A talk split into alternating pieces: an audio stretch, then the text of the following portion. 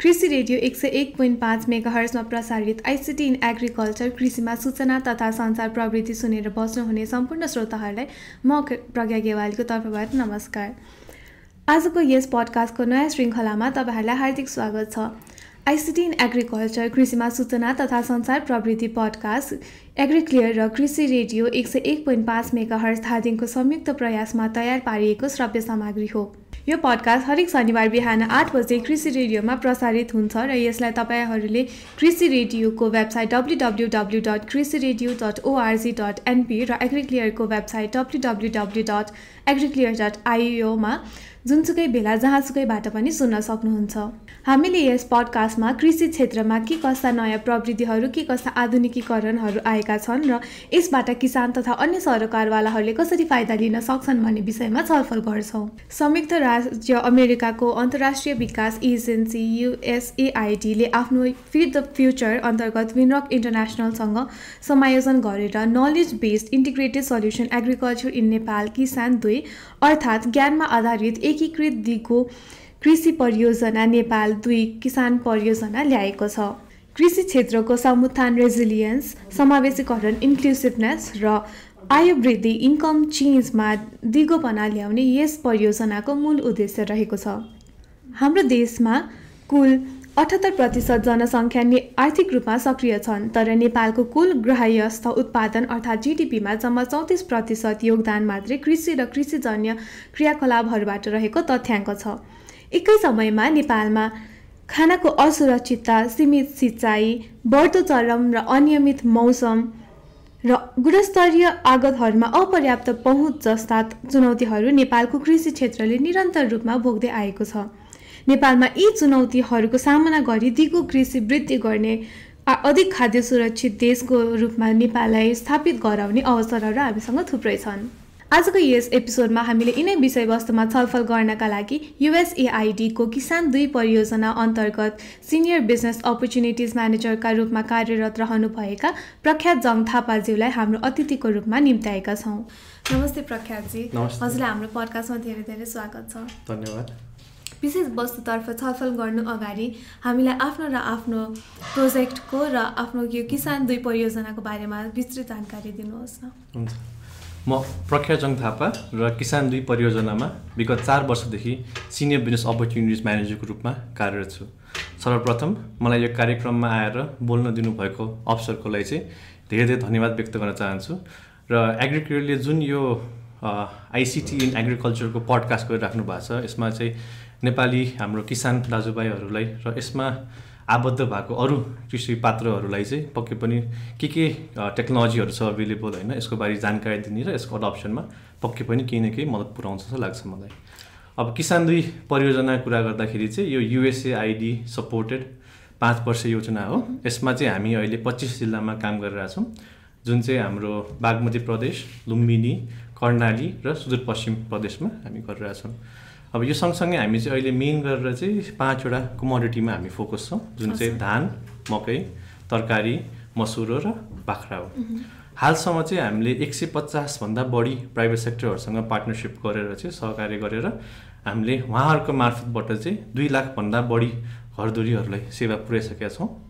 र आगामी दिनमा चाहिँ हामीले भर्खरै यो दुई वर्षको एक्सटेन्सन पनि पाएका छौँ जसमा चाहिँ अब हामी हाम्रो पच्चिस जिल्लाबाट चाहिँ आठ जिल्लामा हामी कन्सन्ट्रेट गर्न लाग्छौँ र यसको फोकस चाहिँ मेन गरेर चाहिँ हाम्रो कमर्सियल एग्रिकल्चरमा मुख्य गरी धान र मकैमा हामी गर्दैछौँ हजुर हामीले चाहिँ यो जुन डिजिटल एग्रिकल्चर अथवा डिजिटल कृषि भनेर धेरै सुनिरहे आइरहेको छौँ होइन यो किसान दुई प्रोजेक्ट अन्तर्गत पनि हाम्रो धेरै ऊहरू चाहिँ विषयवस्तु चाहिँ डिजिटल एग्रिकल्चर अथवा डिजिटल कृषिमै संलग्न भइरहेको छ होइन। त्यसलाई तपाईँले हाम्रो श्रोताहरूले अलिक सजिलो गरेर आफ्नो भाषामा कसरी बुझाउनुहुन्छ? हामीले त्यो डिजिटल एग्रिकल्चर बुझ्दाखेरि चाहिँ पहिला डिजिटल भन्ने कुरालाई बुझौँ त्यसपछि एग्रिकल्चरमा जोडौँला। अब डिजिटल टुल्स भनेको इलेक्ट्रोनिक टुल्स एन्ड टेक्नोलोजी जस्तो मोबाइल फोन भयो ट्याब्लेट्सहरू भयो ल्यापटपहरू भयो यसको प्रयोगले गर्दाखेरि चाहिँ हाम्रो दैनिक कार्यहरूलाई चाहिँ सहज पुर्याइदिने होइन त्यसलाई चाहिँ एफिसियन्टली गर्ने र समय पनि बचाउने हिसाबमा चाहिँ हामीले युज गर्न सक्छौँ।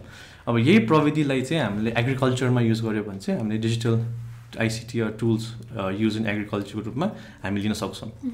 उदाहरणको लागि चाहिँ यसमा हाम्रो यो यही कोभिडको महामारीको बेलामा चाहिँ जब धेरै आवाज जावजहरू बन्द भएको थियो त्यसमा हाम्रो एउटा सुर्खेतको एग्रोवेटले चाहिँ के गर्नु भनेपछि यो एसएमएस टेक्नोलोजीबाट चाहिँ उहाँले आफ्नो ग्राहकहरूलाई चाहिँ आफ्नो पसल कति बजीदेखि कति बजीसम्म खुल्छ भनेर जानकारी दिनुभयो।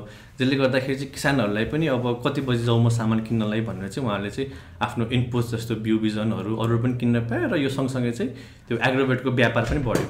अब यो सँगसँगै अर्को प्रविधि हामीले कुरा गर्दाखेरि चाहिँ हाम्रो यो फेसबुकको माध्यमबाट नै हामीले कार्य गरिरहेको थियौँ। जस्तो सिम्पल चाहिँ फेसबुक चाहिँ धेरैजनाले युज पनि गरिरहेछ तर एग्रिकल्चरमा यसलाई युज गर्दाखेरि चाहिँ हाम्रो कपिल वस्तुको एउटा पार्टनरले चाहिँ उहाँको जो जो किसानहरू आबद्ध हुनुहुन्छ उहाँसँग उहाँहरूलाई चाहिँ एउटा ग्रुपमा हाल्नुभयो र त्यो सँगसँगै उहाँको प्राविधिक एक्सपर्टहरूलाई पनि त्यो ग्रुपमा हालेर चाहिँ किसानहरूले चाहिँ आफ्नो केही समस्या छ भने चाहिँ फोटो खिचेर त्यहाँ पनि हाल्नुभयो।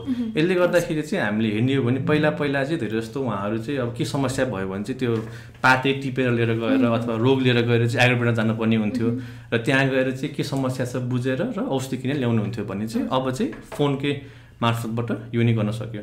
र यो सँगसँगै अर्को कुरा पनि हाम्रो सिम्पल टेक्नोलोजी मात्रै होइन कि कम्प्लिकेटेड इस्युजहरूलाई पनि यो डिजिटल टेक्नोलोजीले चाहिँ मद्दत गर्दछ। जस्तो तपाईँहरूकै पडकास्टको सिरिज हेर्दाखेरि चाहिँ हाम्रो यो प्रिसिजन एग्रिकल्चरमा चाहिँ जुन यो ड्रोनको प्रविधिले पनि हाम्रो चाहिँ अब कहाँ कहाँ रोग लाग्छ के छ कसो भयो भने त्यो हेर्नेदेखि लिएर जिआइएसको प्रविधिबाट पनि हाम्रो चाहिँ यो म्यापिङ गरेर चाहिँ त्यहाँको वेदरको प्याटर्न के छ कसो छ र के के तरकारीहरू अथवा के के बाली त्यहाँ उपयोग छ त्यसको रेकमेन्डेसन पनि त्यहाँबाट पाउन सक्छ। यसै गरेर चाहिँ डिजिटल टुल चाहिँ सजिलो हिसाबदेखि लिएर कम्प्लिकेटेड सल्भ समस्याहरूलाई पनि मद्दत गर्न हेल्प गर्छ हजुरले भन्नुभएको चाहिँ हामीले डिजिटल टेक्नोलोजी र डिजिटल एग्रिकल्चरको बारेमा चाहिँ अलिकति बुझ्यौँ होइन।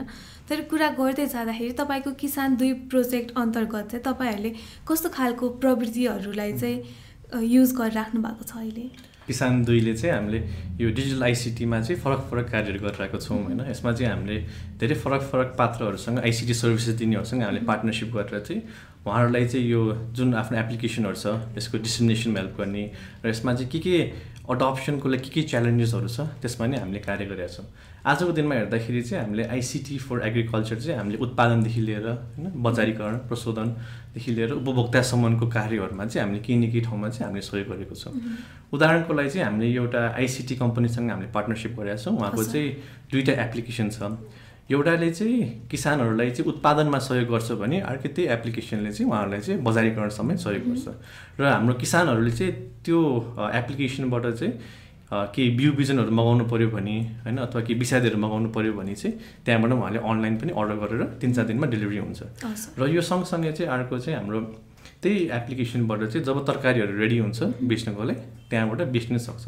अब यसमा चाहिँ हामीले एउटा हाम्रो कृषिमा चाहिँ हाम्रो बजारीकरणको प्रणालीमा हाम्रो एउटा सबभन्दा ठुलो समस्या भनेको मेन आज किसानले टिप्यो टिपेपछि बल्ल उसले बजारीकरण गर्न थाल्छ। होइन भनेपछि अब हाम्रो यो त पेरिसेबल गुड हो चार पाँच दिनमा बिग्रिन्छ यो। होइन भनेपछि यो टिपीपछि बजारिङ गर्दाखेरि चार पाँच दिनसम्म चाहिँ किसानको खेतदेखि उपभोक्तासम्म पुऱ्याउनु पर्छ। होइन? जसले गर्दाखेरि चाहिँ किसानहरूले चाहिँ आफ्नो बार्गेनिङ पावर कम भएर चाहिँ राम्रो मूल्य पाइरहेको हुँदैन। यो एप्लिकेसनले गर्दाखेरि चाहिँ के हुन्छ भनेपछि किसानहरू चाहिँ दस पन्ध्र दिन अगाडि नै ल मेरो खेतमा यति टनको गोलभेडा अथवा यति केजीको बन्दा रेडी भइसक्यो भनेर चाहिँ लेख्नु हाल्नुहुन्छ प्लेटफर्ममा र फरक फरक व्यापारीहरूसँग चाहिँ उहाँले चाहिँ कुरा गरेर चाहिँ टिप्नु अगाडि नै यसलाई म कहाँ बेच्नु र कतिमा बेच्नु भनेर यो निश्चित भइसकेको हुन्छ होइन? अब अर्को एप्लिकेसनमा हामी काम गरेर चाहिँ एउटा बाख्रामा हो। बाख्रा मात्रै नभएर सबैमा चाहिँ एउटा सबभन्दा इम्पोर्टेन्ट के भनेको डेटा किपिङ होइन? जब हामीसँग डेटा हुन्छ त्यसको आधारमा हामीले एनालिसिस गरेर चाहिँ हामीले एउटा नीति र स्ट्राटेजी पनि बनाउन सक्छौँ।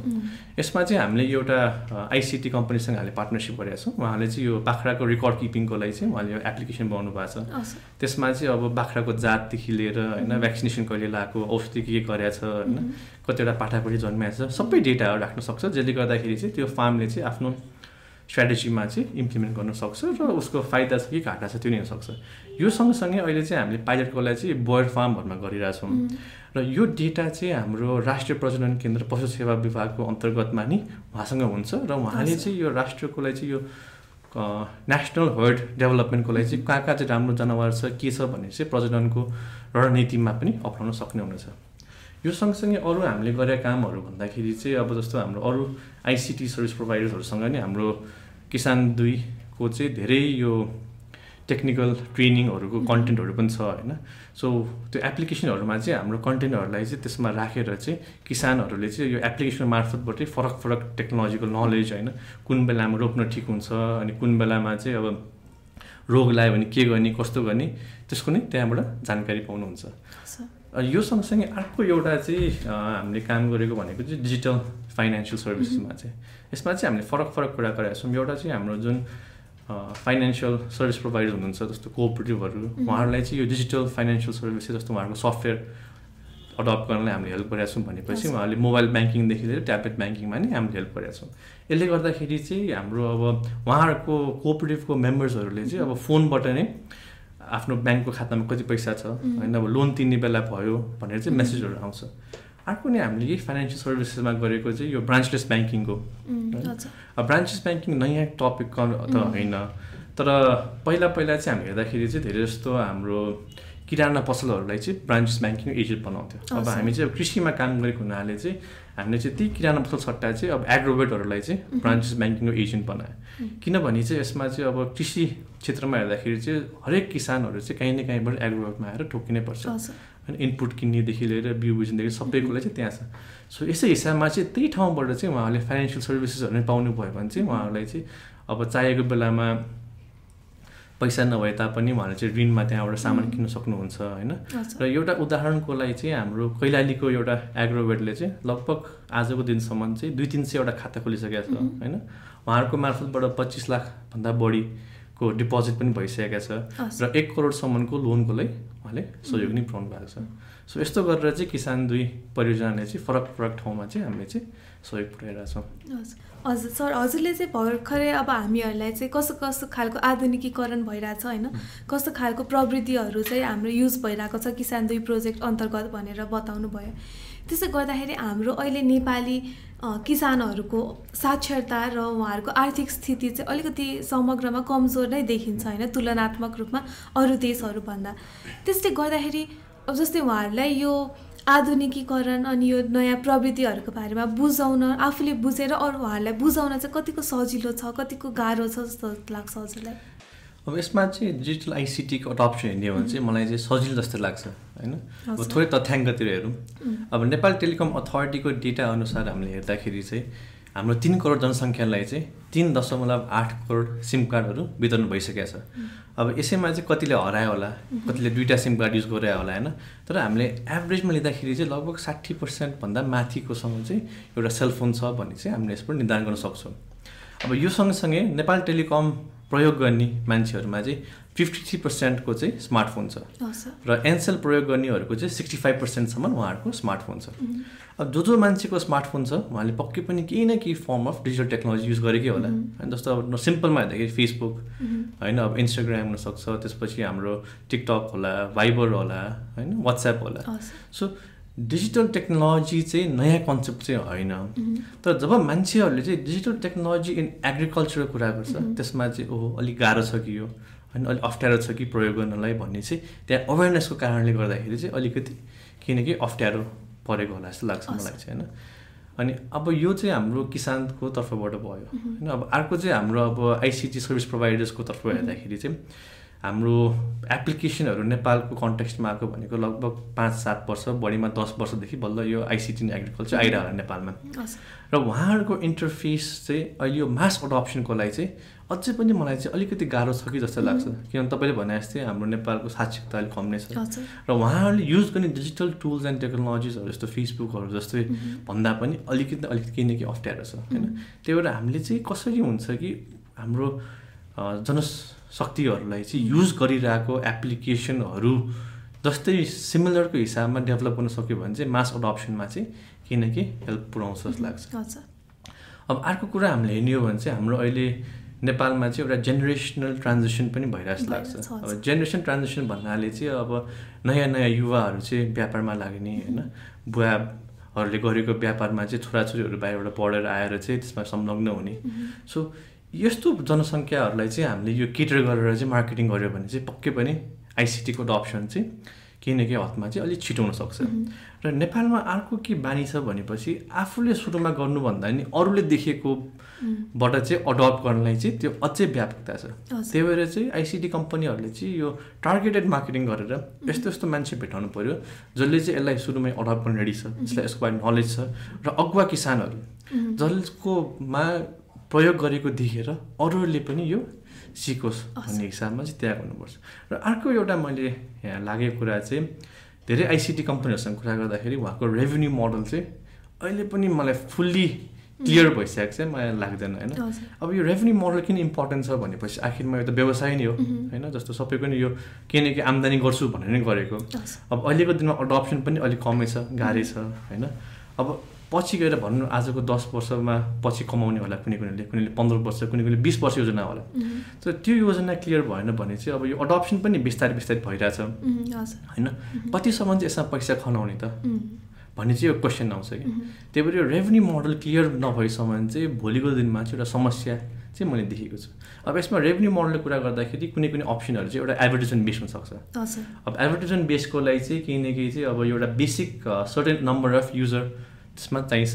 ताकि अरूहरूले चाहिँ त्यसमा एडभर्टिजमेन्ट हालोस् होइन दोस्रो भनेको सब्सक्रिप्सन बेस्ड होइन अब सर्टेन अमाउन्ट मन्थली सब्सक्रिप्सन होला कि इयरली सब्सक्रिप्सन इयरली सब्सक्रिप्सन होला कि होइन त्यसको आधारमा पनि गर्न सकिन्छ होइन। अर्को चाहिँ त्यही प्लेटफर्मबाट प्रडक्टहरू सेल गर्ने। र त्यसको सर्टेन कमिसन खाने अथवा सेल्सको हिसाबबाट। र अर्को एउटा अवसर चाहिँ के गर्न सकिन्छ भनेपछि सुरुमा अघि मैले भनेको लाइटर भर्जन क्रिएट गर्ने। लाइटर भर्जन चाहिँ फ्रीमा गर्ने ताकि मान्छेहरूले सुरुमा अडप्सन गर्नलाई चाहिँ सजिलो होस्।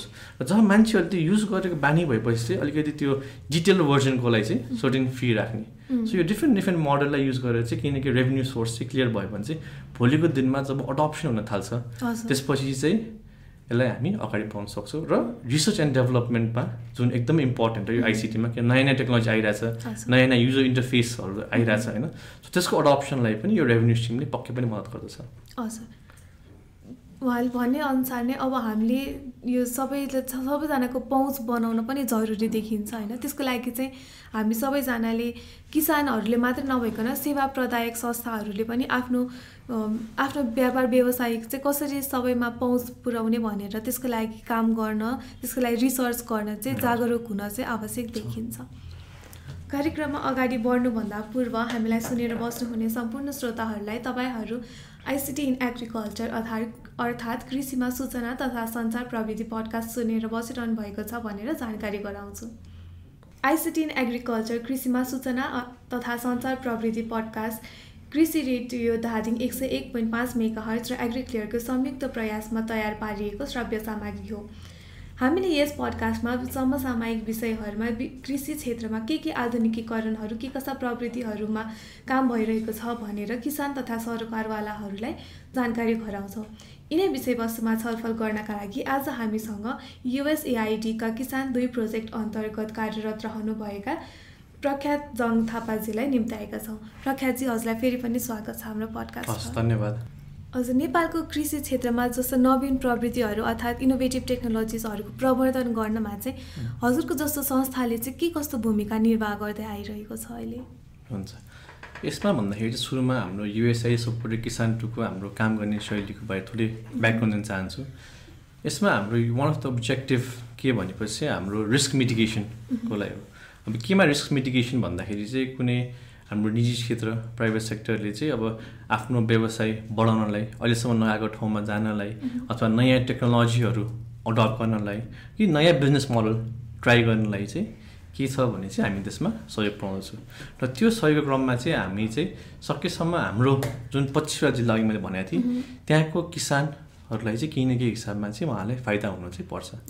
अब यसमा हामीले सहयोगको कुरा गर्दाखेरि वित्तीय सहयोगदेखि लिएर होइन टेक्निकल सपोर्ट हुनसक्छ र यसमा चाहिँ एक्सपर्टिजको नै हामी ल्याउँछौँ। अब तपाईँले संस्था एनजिओ आइएनजिओ जस्तै अरू संस्था हेर्ने भने सबैको म्यान्डेट फरक फरक छ। होइन?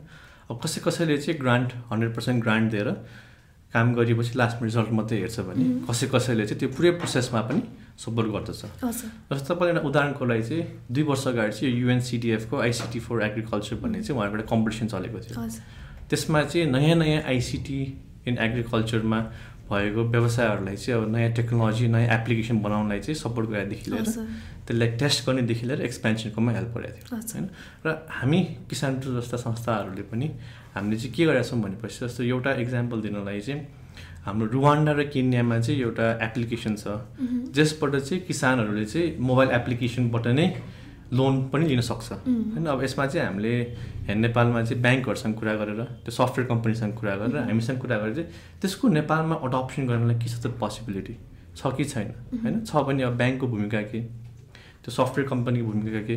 र हामी जस्तो निकायहरूले चाहिँ के सहयोग गर्न सक्छौँ भनेर चाहिँ यो पनि छ। र अर्को कुरा भन्दाखेरि चाहिँ जस्तो अब आइसिटी कम्पनीहरूलाई अघि मैले भने नि होइन उहाँहरूलाई पनि अब भर्खर नयाँ कुरा हो नेपालमा होइन? उहाँहरूलाई पक्कै पनि केही न केही हिसाबमा चाहिँ उहाँहरूको प्रडक्ट डेभलपमेन्टदेखि लिएर होइन? अथवा भइसकेका प्रडक्टलाई चाहिँ कसरी फार्मर्ससम्म रिच गर्नेमा चाहिँ अप्ठ्यारो छ भने चाहिँ हामी जस्तो संस्थाहरूले आएर भेटेर कुरा गरेर होइन? हाम्रो यो समस्या छ होइन? कसरी हामी सहकारी गरेर काम गर्न सक्छौँ त? होइन? यसले गर्दाखेरि किसानलाई कसरी फाइदा हुने र एज अ बिजनेस पनि हामी कसरी ग्रो हुनसक्छ किनभने हाम्रो यहाँ एउटा मुख्य अर्को कुरा भनेको चाहिँ हाम्रो दिगोपनामा हेर्छ। र जबसम्म सेवा दिने प्रदायकहरू प्राइभेट सेक्टरहरूले चाहिँ जुन सर्भिसेसहरू दिइरहेछ त्यसबाट उहाँहरूले फाइदा पाउनुहुन्न भने भोलिको दिनमा गएर उहाँले कन्टिन्यू गर्नुहुन्न। होइन? सम्भवै छैन नि। कतिसम्म सोसल सर्भिस र च्यारिटी गर्ने र होइन? यी कुरामा। सो त्यो कुरामा चाहिँ हामी संस्थाहरूमा चाहिँ आएर चाहिँ पक्कै पनि केही न केही सहयोग दिन सक्ने चाहिँ हुनेछ। अब यो सँगसँगै हामी पोलिसी लेभलमा नै हामी काम गरिरहेछौँ होइन? यदि अब फरक फरक आइसिटी कम्पनीहरूमा चाहिँ ओभरअल केही पोलिसीमा छ भने हामी चाहिँ यो पोलिसीलाई एडभोकेसीमा पनि तपाईँहरूसँग मिलेर हामी यसमा काम गर्न सक्छौँ। हजुर। हजुर धेरै धेरै धन्यवाद प्रख्यातजी। अब हामी कार्यक्रमको अन्त्यतर्फ आइसकेका छौँ। हामी कार्यक्रमलाई अन्त्य गर्दै जाँदाखेरि चाहिँ हजुरले हाम्रो श्रोताहरूलाई केही कुराहरू राखिदिनु मन छ भने राखिदिनु अनुरोध गर्दछु। हस् यसमा चाहिँ मैले अघि भने जस्तै अब आइसिटीको अडप्सन नेपालमा पक्कै पनि बढिरहेको छ होइन? अब हामीले दस वर्ष अगाडि हेऱ्यो भने ब्याङ्कहरूकोले पनि धेरै जस्तोले हाम्रो यो फोन पे डिजिटल पेमेन्ट सर्भिसहरू थिएन। र आजको दिनमा तपाईँले हेर्नुभयो भने चाहिँ काठमाडौँमा मात्रै नभएर गाउँघरमा पनि यो स्क्यान क्युआर कोडको पेमेन्ट सिस्टम भइसकेको छ। होइन? यो सँगसँगै चाहिँ हामीले चाहिँ अब जब हामी आइसिटी एग्रिकल्चर कुरा गर्छौँ हामीले एग्रिकल्चरमा आइसिटी र डिजिटल टेक्नोलोजी अप्सनलाई मात्रै नहेरेर हाम्रो ओभरअल सबै सेक्टरहरूमा एग्रिकल्चर हुन सक्यो त्यसै गरेर फाइनेन्सियल हेल्थमा होला होइन? सबै चाहिँ एकजुट भएर चाहिँ यसको अडप्सनलाई चाहिँ किन कि क्याम्पेनिङ अथवा किन कि स्ट्राटेजी रणनीति बनाएर चाहिँ अगाडि बढ्यो भने चाहिँ यसको अडप्सनमा चाहिँ पक्कै पनि मद्दत पुऱ्याउँछ। र त्यो रणनीति भएपछि त्यसपछि निजी क्षेत्रको त्यसमा के भूमिका हुनसक्छ होइन सरकारको जस्तो हाम्रो पालिका होइन? अरूको के भूमिका हुनसक्छदेखि लिएर हामी एनजिओ आइएनजिओहरूको पनि भूमिका त्यसमा क्लियर हुनसक्छ है? अब दोस्रो कुरा भन्दाखेरि चाहिँ आजको दिनमा आइसिटी इन एग्रिकल्चरमा हेर्दाखेरि त्यो जो हाम्रो सेवा प्रदायकहरू छ उहाँहरूले चाहिँ एक अर्कालाई कम्पिटिसनको रूपमा भन्दाखेरि अडप्सन बढाउनलाई चाहिँ जसरी हामीले चाहिँ यो फाइनेन्सियल लिट्रेसी गरिरहेछौँ नि होइन? यो ब्याङ्कमा जाऊ त्यो ब्याङ्कमा जाऊ भन्दा पनि तपाईँहरू ब्याङ्कको सिस्टममा आउनु पऱ्यो भन्ने एउटा एक ग्रुप भएर एउटा एडभोकेसी गरिराख्नु भएको छ नि। त्यसै गरी यस्तै आइसिटी एन्ड एग्रिकल्चरको सेवा प्रदायकहरू पनि एकजुट भएर चाहिँ यस्तो यस्तो फरक फरक एप्लिकेसनहरू छ। यसले गर्दा तपाईँलाई यो यो कुरा सहयोग पुऱ्याउँछ भनेर चाहिँ एकजुट भएर चाहिँ मार्केटिङ गरेर चाहिँ अडप्सनलाई चाहिँ बढाउनु एकदमै जरुरी छ। होइन अब अर्को भनेको चाहिँ जस्तो मैले अघि भने जस्तै हाम्रो नयाँ जेनेरेसनहरू पनि यहाँ प्रवेश भइसकेको छ व्यवसायहरूमा। होइन उहाँहरूलाई चाहिँ टार्गेट मार्केटिङ गरेर चाहिँ अगाडि बढाउनु नि पर्छ र रेभेन्यू मोडल पनि क्ल्यारिटी हुनुपर्छ। होइन अब पाँच वर्ष हो कि दस वर्ष हो कि पन्ध्र वर्ष हो कतिमा र कसरी चाहिँ म यसबाट आम्दानी कमाउँ ताकि यो सेवा सुविधाहरू म दिएको रूपमा दिन सकौँ। सो यो सबै कुराहरू गऱ्यो भने चाहिँ पक्कै पनि हाम्रो नेपालमा एग्रिकल्चर क्षेत्रमा नभएर होइन आइसिटीको डिजिटल टेक्नोलोजीहरूले गर्दाखेरि चाहिँ हाम्रो राष्ट्रिय विकासमा चाहिँ काहीँ न काहीँ चाहिँ मद्दत पक्कै नै पुऱ्याउँछ धेरै धेरै धन्यवाद प्रख्यातजी। आजको हाम्रो यस पडकास्ट श्रृङ्खलामा उपस्थित भएर विभिन्न डिजिटल सल्युसनहरू र किसान दुई परियोजनाका बारेमा प्रकाश पारिदिनु भएकोमा धेरै धेरै धन्यवाद व्यक्त गर्दछु। हस् धन्यवाद। नमस्ते। एग्रिक्लियर र कृषि रेडियो धादिङको संयुक्त प्रयासमा तयार पारिएको यस आइसिटी इन एग्रिकल्चर अथवा कृषिमा सूचना तथा सञ्चार प्रविधि पडकास्ट सुनेर बसिदिनुहुने सम्पूर्ण श्रोताहरूलाई धन्यवाद भन्दछु। यसका साथसाथै हाम्रो आगामी अङ्कहरू पनि सुनिदिनु हुनेछ भन्ने विश्वस्त छौँ। कार्यक्रमको अन्त्यतर्फ आइसक्दै गर्दाखेरि तपाईँहरूलाई यो पडकास्ट हरेक शनिबार बिहान आठ बजे कृषि रेडियो एक सय एक पोइन्ट पाँच मेगा हर्स धादिङ तथा एग्रिक्लियर र कृषि रेडियोको वेबसाइटमा जति पनि जुनसुकै बेलामा सुन्न सक्नुहुनेछ भन्ने जानकारी गराउँदै हाम्रो यस पडकास्ट उत्पादन र प्रसारणमा साथ दिनुहुने सबै सहकर्मीहरूलाई धन्यवाद भन्दै आजको यस पडकास्टको श्रृङ्खलाबाट म प्रज्ञा गेवाली बिदा हुन्छु। तपाईँहरू स्वस्थ रहनुहोस् सुरक्षित रहनुहोस्। हस्त नमस्कार।